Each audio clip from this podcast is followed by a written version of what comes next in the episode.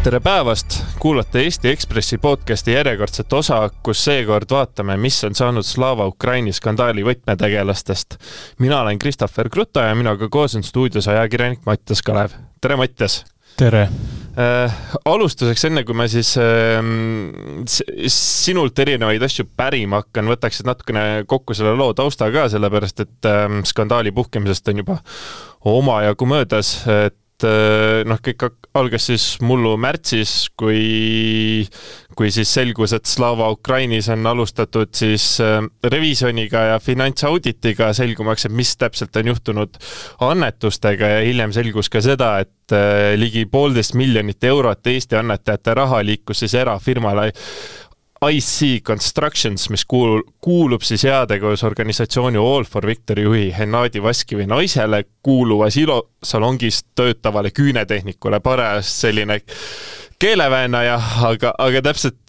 täpselt selline keeruline lugu ongi. ja mis siis lisaks veel see on selgunud, on see, et äh, väga suure tõenäosusega siis äh, ehitas Slava Ukraini neid Guerilla kiirabisid turuhinnast tegelikult mitu korda kallimalt. Äh, Slava Ukraini asutaja Johanna-Maria Lehtme astus möödunud aasta mais Riigikogust lõpuks selle skandaali tõttu tagasi ja kadus. samal ajal jällegist on päris huvitavaid jutte levinud Ukraina meedias siis Slava Ukraini vilepuhuja Aleksandr Tšernovi kohta, et hakkame nüüd siis kõike seda lahti purema, et see, kui sa siin nüüd eelmise aasta lõpus seda asja uurisid, et, kuhu sa siis täpsemalt välja oled jõudnud, et alustame sellest, et sulle ju anti ülesanne siis äh, uurida välja, et kuhu kadus Johanna-Maria Lehtme. nagu me artiklist saame teada, et siis äh, noh, päris, päris täpselt seda me jälge kätte ei saanudki lõpuks, aga kaugele sa oma otsimistega jõudsid? Äh, kuulujutte on tohutult, äh, kuulujutte on selliseid, mis viivad teda äh, noh, ütleme nii Ukrainasse, Poolasse, Küprosele, Ameerikasse, kuhu iganes. aga noh, mis ajakirjanduslikult on võib-olla oluline, et need oleksid ka sellised esimese, no et keegi, keegi oleks nagu otsene tunnistaja sellele, et ta on kas Küprosel või kuskil USA-s või Poolas või, aga sel-, sellist asja ei ole. et kuulujutud levivad tasandil kuskil alates, ma ei tea, Ukrainas Eesti saatkonna jõulupidu kuni lihtsalt Eesti kahesaja fraktsioon, aga, aga ei, ei, ei ole mingit sellist inimest, kes tuleks, ütleks oma näoga, et mina tea, Johannaga siin septembris kohtusin äh, ma ei tea, Tallinnas ja ta oli just siia saabunud Ukrainast ja lendas peatselt kuhugi kolmandasse kohta, et sellist asja ei, ei ole et meil, meil artiklis on ka üks pilt, mis on siis äh, nagu, nagu kirjas siis viimane teadaolev jäädvustus siis Johanna-Maria Lehtmest, kus ta siis äh, ootas Varssavisse suunduvale lennule pääsemist ja seda siis juba möödunud aasta mais. just, et äh, noh, mai ongi see, kus jälg hakkab kaduma, aga, aga päriselt see kaob ära ära juunis, et äh, minemata siin võib-olla liiga spetsiifiliseks nende äh, nende kuulujuttudega, et äh, eks inimesel noh, paratamatult olgu see olukord äh,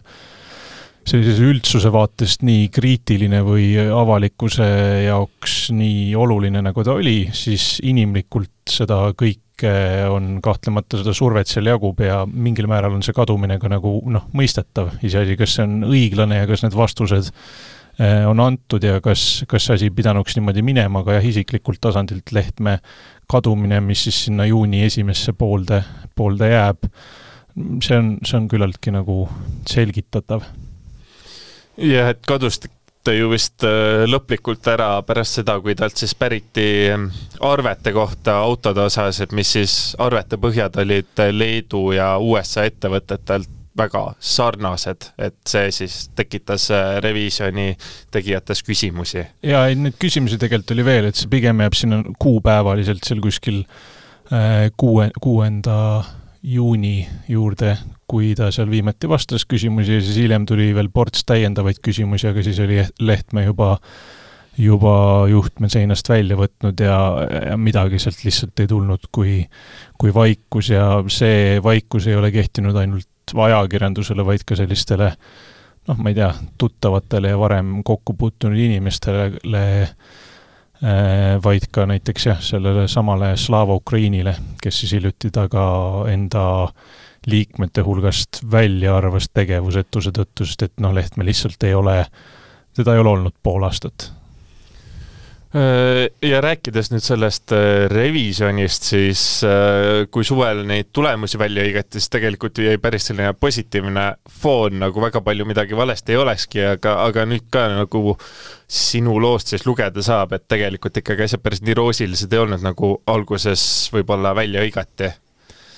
ma iseenesest, ma arvan, seal on nagu mitu tasandit, et see Äh, no kui võtta näiteks ajakirjanduslikult, siis seda revisjoni kajastasid äh, hästi sellised äh, uudisajakirjanikud, kes võib-olla ei olnud selle teemaga niimoodi hästi süvitsi kursis olnud. sealt võeti need mingisugused pealkirjad üle, käidi pressikonverentsil, seal oligi kommu-, kus oli kommunikatsioon, et noh, kõik on, keskenduti positiivsele, ütleme nii. negatiivne öeldi ka ära, aga sellest pigem libiseti kiiremini üle ja fookus oli mujal Äh, noh, ajakirjanduslikult see tähendas seda, et revisjoni teema oli justkui ära räägitud ja inimesed, kes võib-olla olid sellele, sellesse teemasse juba kuid olnud pühendatud, just ajakirjanikud, võib-olla võtsid kergemalt, ei viitsinud seda ka enda jaoks tohutult läbi mõelda, sest et noh, inimesed olid selle tsükli justkui juba läbi elanud ja mis sa ikka nämmutad vana teema kallal. aga jah, et kui sinna nagu äh, pool aastat vana asja kallale minna, siis äh, ega revisjon tegelikult ei, tegelikult ta ei, ei äh, anna ühelegi küsimusele vastust. et see peamiselt pandi, viidi läbi Eestist äh, Slava Ukraini äh, dokumentidega, milles noh, oli loomulikult vigasid, midagi tuli Ukrainast ka, aga peamine küsimus, mis on see IC Constructions, et äh, ega, ega sealt mingit koostööd ei tehtud ja noh, see on siis see koht, kus väidetavalt enamus nendest äh, vigadest, mis või, või raha väärkasutustest, mis väidetavalt toime pandi äh,, peaksid olema nähtavad. nii et äh, põhimõtteliselt seda tegelikult revisjon mitte ainult ei kontrollinud, vaid kontrollida ei saanudki ja mingid dokumendid, mis Ukraina poolelt ju ka tulid, mingid arved ja asjad, nende metaandmed tegelikult näitasid siis seda, et et, ähm, et need olid koostatud siis äh, hiljem, kui oli arvete kuupäevaks märgitud. jaa, et need on need hinnapakkumised, mis siis on IC Constructions äh, justkui teinud äh, Slava Ukrainile ja noh, sellest, selle, selle kohta tegelikult ka revisjoni käigus üritati kontrollida, aga, aga ega see kuhugi ei, ei viinud aga äh, rääkides sellest revisjonist veel, et siis ju Hennadi Vaskiv, see Ukraina-poolne, see All for Victory juht äh,, äh, tema ju tegelikult kasutas ka seda revisjoni päris oskuslikult ära, et äh, tagus ju ka pärast seda ring kummis, et näete, et tegime koostööd ja esitasime kõik asjad põhjalikult ära ja mingeid probleeme ei ole ja ja ei, põhimõtteliselt nii on, et äh, võib öelda, et ka tema keskendus positiivsele. Ja selge on see, et äh, kui sa oled milleski sellises äh, negatiivse kuvandiga situatsioonis osaline, siis ja seal selline peamine kommunikatsiooniliin on see, et tegelikult väga hullu polnudki, siis sina võib-olla keskendudki ainult sellele, et midagi ei leitud ja kõik on, on positiivne, et see, kas sina või sinu lähedased partnerid või keegi ei andnud selle jaoks välja dokumente, mistõttu midagi negatiivset leida teoreetiliselt võimalik ei olnudki, et no kes see loll sellele keskenduma hakkaks ja Hennadi Vaskiv seda ilmselgelt ei teinud? Äh, noh, sa natukene vaatasid ka seda Ukraina-poolset kajastust ja sellest ka natukene artiklis rääkisid, et äh, kui ma ei eksi, siis sa tõidki välja, et väga palju sellest revisjonist äh, oligi räägitud siis läbi selle, mis Vaskiv ise rääkis, et ka Ukraina meedias nagu väga süvitsi rohkem selle teemaga ei tegeletud. ja ei, ega sellest tegemist on teemaga, mis Ukrainas on noh, osalt mõistetavalt, osalt äh, kahetsusväärselt, aga ikkagi marginaalne, et äh, ega siin mingisugust põhjalikku meediakajastust ei ole olnud ühelgi ajahetkel ja tegelikult on see ka mõistetav, et sellest Ukrainal lisaks sellele, et käib sõda, jagub seal neid suuri korruptsioonikaasusi erinevatest riigiasutustest kuni ma ei tea, sõjaliste organisatsiooni, riiklike sõjaorganisatsioonideni välja ja need summad on äh, ka suuremad kui Slava Ukraini puhul. Äh, Eesti on lihtsalt väiksem, meil neid skandaale on vähem ja Eesti mõistes see noh, mis iganes hinna, hinnalipiku me Slava Ukraini skandaalile juurde riputame, on, on, on paratamatult väga suur. Äh, aga jah, et seal see meediakajastus on pigem väike olnud ja Vaskifil äh, ega keegi, kui Eesti ajakirjandus ei suuda läbi närida selle revisjoni sisust, siis keegi Ukrainas ei suuda seda ammugi, et pigem küsid osapoolelt kommentaari ja tema ütleb, et kõik on hästi ja vaatad Google Translate'iga, et vist oligi ja nii läheb. Äh, mis see, mis on veel Vaskivi puhul tähelepanuväärne, on see, et ta nüüd ju alles sügisel siis andis äh, Ukraina armeele üle ühe kaubiku mis pärines Slava Ukrainilt, aga mis oli tegelikult ju mm, Ukrainas juba möödunud või ülemööd-, nüüdseks siis juba ülemöödunud aasta detsembrist alates. et, äh, et päris, päris kaua oli see kaubik kuskil ripakil, et kas, kas äh, on teada, et äh, võib veel selliseid masinaid olla, mis on Eestist siis Ukrainasse viidud ja, või Slava Ukraini rahadest kuskil mujalt ostetud ja Ukrainasse saadetud, aga lihtsalt ei ole kuskile jõudnud?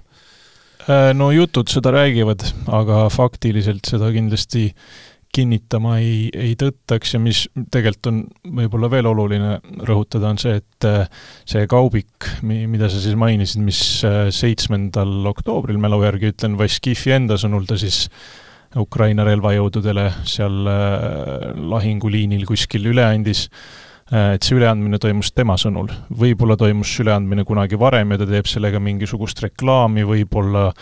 ühesõnaga, siin on ainult võimalikud hüpoteesid ja meest ise, mees ise seda selgitada ei, ei ole soovinud, et miks siis see kaubik üle kümne kuu Äh, justkui tema enda äh, sotsiaalmeedia kommunikatsiooni põhjal kuskil niisama seisis, kui seda ümber ehitatud ega midagi, mis noh, tegelikult tõstatab ka küsimuse, et kas see kaubik on üle antud ja, ja tegelikult väga palju muid spekulatsioone. No nende autodega ju küsimärke oli veel, et on ju ka igasuguseid mingeid ähm, autode parandamiseks äh, kuskile raha läinud, et et äh, näiteks mm, Jeep Patriot või Jeep Patriot siis ütleme niimoodi, kes kuidas hääldab. Äh, Audi Q7 näiteks, noh Audi Q7 on kindlasti selline auto, mida mina näiteks ei kujuta ette, et sa nüüd sellega rindele läheksid sõdima. et pigem sa ikkagi sõidad sellega kuskil, kuskil mujal. no kes teab jah, et see, see läheb selliseks hästi äh, hästi spekulatiivseks, et milleks neid autosid kasutati, milleks neid remonditi, no tõesti, jumal teab. väga keeruline ka tagantjärgi kontrollida, kui äh, sündmus on Eesti mõistes toimunud võõral maal ja Eestist seda kõige paremini hallanud inimene Johanna Lehtme ei ei vasta ühelegi küsimusele, et äh, milleks neid autosid on remonditud ja see tõesti no ei, ei oska, ei oska mingit seisukohta võtta ja see pildi peale jäänud kaubik selle puhul ju ka tegelikult, kui vaadata, millised need äh, Guerilla kiirabid tavaliselt välja näevad, et siis seal pildi peal nagu ei paista, et tohutuid mingeid ümberehitustöid sellega oleks toimunud. Ja ka ilmselt noh, sellist valget kaubikut ilmselt ka rinde juurde kiirabiks ei saada, et äh, et, et ka see värviskeem ju tegelikult selles suhtes äh, vähemalt hetkel selle pildi peal, kui see postitati, oli ikkagi sõjatingimusteks vale. Äh, jah, noh, niimoodi arutluskäik tundub loogiline ja tõesti, mis mulle on ka silma jäänud, et tihti on need üle värvitud, aga pigem jah, see sisemus just, et äh, ega seal midagi nagu tehtud ei olnud, vähemasti selle konkreetse kaubiku puhul väidetavalt siis kümne ja, kümne kuu ja mingite päevade jooksul et äh, jah, ja, ja noh, üleüldiselt ega Slava Ukrainil ju nende, nende, nende guerilla kiirabide ehitamisega, et nüüd siis vist nagu ma sain aru, ka ikkagi siis ähm, organisatsioonisiseselt on tunnistatud, et, et, et ikkagi liiga kallilt nii-öelda see ümberehitamine enne käis, et vähemalt need praegused hinnad, millega siis neid ümber ehitatakse, on ikka hoopis teised kui, kui Lehtme ajal ja kui mujal läheb elu kallimaks, siis seal on tõesti positiivseid, sellest valdkonnast on positiivseid uudiseid tulnud, et et Guerilla kiirabide ehitamise hinnad pärast Johanna Lehtme Slava Ukraini eesotsast lahkumist on kukkunud kolm korda, et äh, järeldusi võib igaüks teha ise. Äh, no loo lõpus tegelikult oli päris minu jaoks vähemalt tähelepanuväärne lause ka siis äh, Slava Ukraini revisjoniaegse nõukogu juhi Kristo Tohveri puhul, kes siis ütles, et revisjoni tulemus ei väida, et kogu annetajate rahaga käidi heaperemehelikult ümber. et ilma nüüd otse välja ütlemata vist, ta vist ikkagi andis mõista, et et pigem mingi osa rahast on tõenäoliselt kaduma läinud ja, ja kui sa tegelikult ka kuulad seda revisjoni äh, Äh, niisugust algset pressikonverentsi, siis äh, e-, ega seal midagi nagu valetatud ei ole, lihtsalt kogu see revisjoni leiud on pakendatud hästi ilusti ja nunnult ja positiivsele keskendudes ära, et ma ei, ma ei ütle, noh, päris võib-olla sõna-sõnalt seda tsitaati sealt välja ei tule, aga selgelt see mõte, kui seda osata otsida ja niimoodi ridade vahelt ja natuke vähem ridade vahelt äh, kuulata, siis noh, see, see mõte nagu tuleb sealt läbi, aga, aga jah, kuna see niisugune peamine sõnum oli ikkagi rõhutatult positiivne, et kõik on hästi, midagi ei leitud, tulemus oli oodatust isegi ilusam, siis, äh, siis jah, pigem see kõlab hetkel uudisena, et äh, revisjon äh, tõepoolest ei, ei saa kinnitada, et mingit raha väärkasutust ei olnud Ehm, no Eestis ja Ukrainas tegelikult ju prokuratuurid ka hetkel seda Slava Ukraini rahade mm, kas noh, ei saa ametlikult välja öelda väärkasutamist, aga täpsemalt siis seda, et mis selle rahaga tegelikult sai, et seda uuritakse, et kas, kas sa oskad ka natukene äh, rääkida sellest, et kus maal need uurimised võiksid olla või nii palju, kui ma tean, siis Eestis vähemasti äh, oli pikka aega mureks see, et ei saadud kätte neid Ukrainast äh, dokumente, mille põhjal siis neid praktilisi menetlustoiminguid või sisulisi menetlustoiminguid läbi viia. aga nüüd need väidetavalt vähemasti on käes ja äh, Äh,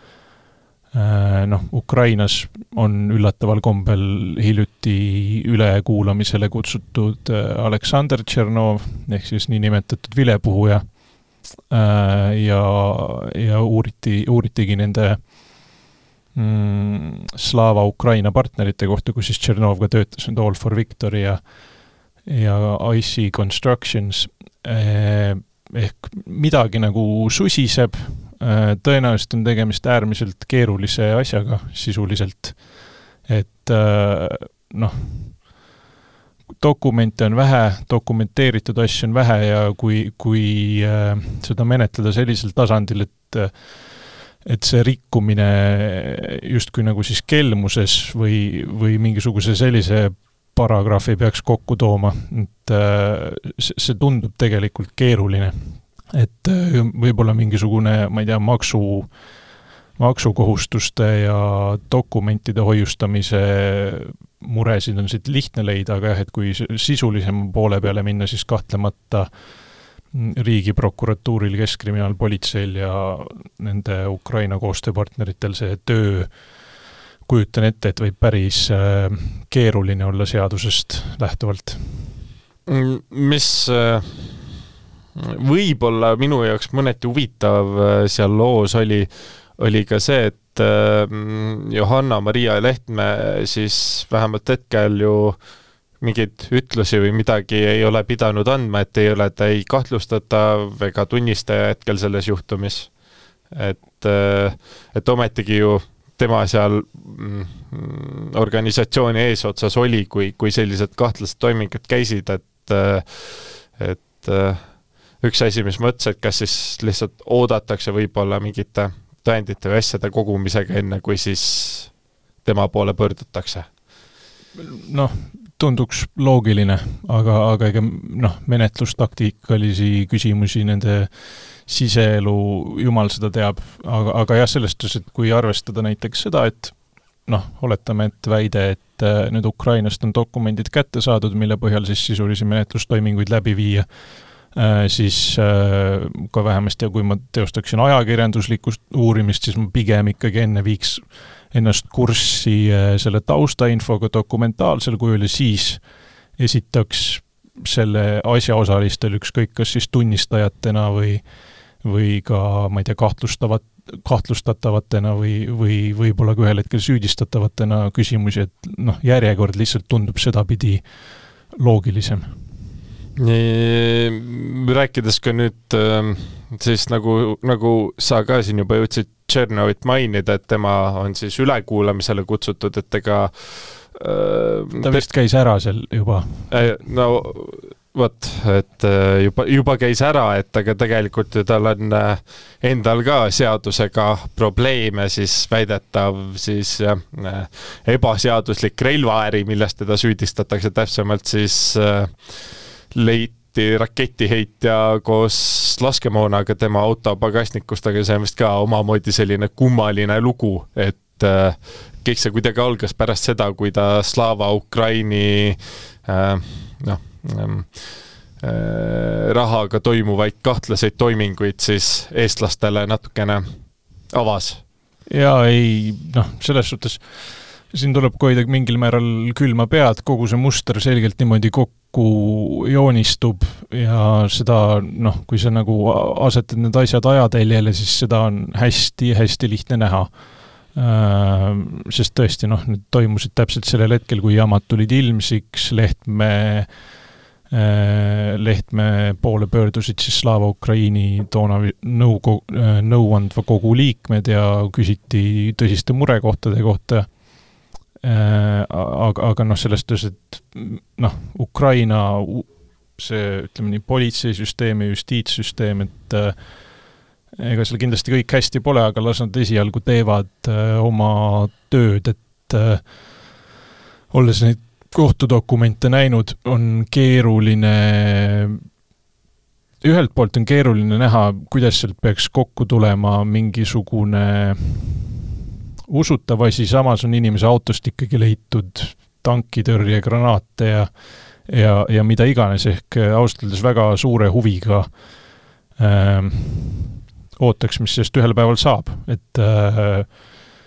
et äh, keeruline juhtum kahtlemata. Ja noh, ilmselgelt ähm, selles suhtes, et nagu sa ütlesid ka, et see muster välja joonistub ja ma ka ise juba siin natukene siis sinult küsides või sinuga rääkides sellele vihjasin, et aga noh, eks selles suhtes ilmselt ka tuleb ju saada Ukraina ametivõimudest aru, et kui ikkagi inimese auto pagasnikust leitakse tankitõrjerakette, noh siis sa ikkagi pead seda uurima, et isegi kui on kahtlus, et keegi teine võis need sinna panna, et et, et siis tuleb ju seda ka ikkagi tõestada, et selles suhtes, et sa ei saa selliste oletuste põhjal ka nüüd inimest süüst vabastada. ja, ja äh, noh, selles suhtes seda ka hetkel vähemasti paistab, et on tehtud või vähemasti viimati, kui ma ennast nende kohtumaterjalidega äh, kurssi viisin ja Tšernoviga nendel teemadel rääkisin, siis ega seal ei ole seda äh, ühesõnaga kogu see läbiotsimine, selle aluseks oli vihje ja ega seda vihjajat ei ole vähemasti minu teadmiste kohaselt jätkuvalt tuvastatud. ja, ja nagu ma ise mäletan kevadest ka, siis Tšernov ju tegelikult ise vist rääkis ka, et ta kuul- või noh, et kas mingi autoalarm või midagi nagu korra käis või mingit kahtlast tegevust öösel kuulis, aga ei vaevunud reageerima ja vist järg-, kohe oligi järgmise päeva hommikul siis politsei sellest autost siis need raketid ja raketiheitja leidi, leidis. Jah, et nii, nii oli, nii, nii on ta tõesti rääkinud ja et need läbiotsimised tegelikult vist tehti mitmes kohas korraga, aga ju, jah, just see auto, kus siis tema sõnul äh, mõni aeg varem oli käinud alarm, need äh, need relvad leiti? Äh, mis muidugi seda on huvitav, on see, et üks asi on see, mis kohtudokumentides räägitakse, aga teine asi on see, et mis siis väljaandes ORD ilmus siis Tšernovist persooni lugu, et kus äh, väidetavalt siis ta täiesti pandi ühte punti hiljuti ajutiselt okupeeritud Hersoni oblastis tegutsevate Venemaa terroristlike organisatsioonidega ja sellised äh, päris värvikad illustratsioonid temast või sellised Photoshopid olid juurde pandud, et aga aga see on ka, et kuigi seal on äh, räägitud kui usaldusväärsest allikast pärinev info, siis tegelikult vist selle portaali äh, uudisväärtus on selline mm, küsitav jaa, äh, ma ise ei ole küll piisavalt vana inimene, seda mäletada, aga, aga kui ma ei eksi, siis äkki olid ka Eestis üheksakümnendatel sellised väljaanded meedias, kuhu inimene äh, sai täiesti selgelt enda sisu sisse osta ja, ja ka see väljaanne, kus siis sellist no Tšernovi kohta justkui nagu argumenteeritud, aga, aga samal ajal ka selgelt ma ei tea, valefaktidel või väga, väga, väga, väga, väga julgetel spekulatsioonidel põhinevat laimava alatooniga teksti esitatakse, et ka sinna saab oma artikleid jätkuvalt osta ja Ukrainas tegelikult on niisuguseid meediaväljaandeid, mis sellisel äh, põhimõttel jätkuvalt tegutsevad üksjagu, et seal see nagu midagi imelikku ei ole, lihtsalt meile Eestis siin, no kuigi meil on ka sisuturundusega vahel natuke niisuguseid halle alasid, siis äh, no see mõjub lihtsalt küsitavalt jah, et kui keegi niisuguse laimukampaania saab faktidele tuginemata kohalikus lehes püsti panna ja see, see Tšernovi vastu on siis toimunud Äh, jah, selles suhtes tõesti, eks äh, Eestis mm, noh, Eesti on nii väike ka, et kui sa sellise asjaga tegeleksid, siis tõenäoliselt päris kiirelt ilmselt see mm, usalduse kaotus toimuks. Et aga, aga noh, et eks Ukraina on suurem riik, teistsugune riik, me peame ka tuletama meelde, et kuigi sellega nähakse Ukrainas palju vaeva, siis korruptsiooniga seal ikkagi lood äh, on keerulised, vähemalt veel, et, et eks see, eks see, eks see, eks see kultuur on seal juba niivõrd teistsugune ja ka ajakirjandusmaastikul. Jaa, ei kahtlemata, et see meediamaastik seal on tohutult kirju, mitmekeelne, Vene, Ukraina, erinevad regioonid, väga suur riik ikkagi. aga ma arvan, et äh, ega meil praegu väga palju rohkem midagi rääkida ei olegi, sellepärast et nagu, nagu noh, selle loo saab kokku võtta, et küsimärke on palju, aga, aga lõppude lõpuks keegi väga mitte midagi faktiliselt ei tea. aga loodame, et nüüd see mm, ees ootav kahe tuhande kahekümne neljas aasta toob ka selles osas vastuseid ja, ja äkki ikkagi lõpuks saab selgeks ka see, eh, mis, mis siis selle pooleteist miljoni euroga annetatud rahaga täpsemalt saanud on, muidugi noh, eks selliste majanduskuritegude ja selliste asjade uurimised juba tavaolukorras on keerulised ja võtavad kaua aega ja nüüd kujutame ette, et noh, koht, kus see toimus, riik, kus see toimus, on ise sõjas. Et, et eks neil neid noh, tuleb, tuleb, tuleb ikkagi meenutada, et seal on palju-palju suuremaid probleeme kui see, et mis sai eestlaste rahaga. No takistusi on, aga küllap jõutakse kuhugi, mina küll usun nii, aga, aga Mattias Kalev ütles, et tema usub, et küllap jõutakse kuskile. Äh, loodame ka meie, et küllap jõutakse kuskile ja kes siis ei ole lugenud, siis äh, lugege ka kindlasti Mattiase lugu, kus on ka mõned asjad natuke pikemalt ja paremini lahti seletatud, ka näiteks see, mis tegelikult üldse noh, kuidas see skandaal üldse algas, et äh, kuna, kuna juba selle mälu värskendamine, et ega isegi pidi asju üle lugema, sellepärast et noh, sisuliselt viimastest faktidest, mis välja tulid, on juba pool aastat möödas aga aitäh, et kuulasite Eesti Ekspressi sellenädalast podcasti. Äh, saate meid kuulata Spotify'st, Apple podcast'ist ja Delfi taskust ja mm, võib-olla ka muudest kohtadest, kus te podcast'e kuulate. Äh, selleks korraks on kõik ja kena päeva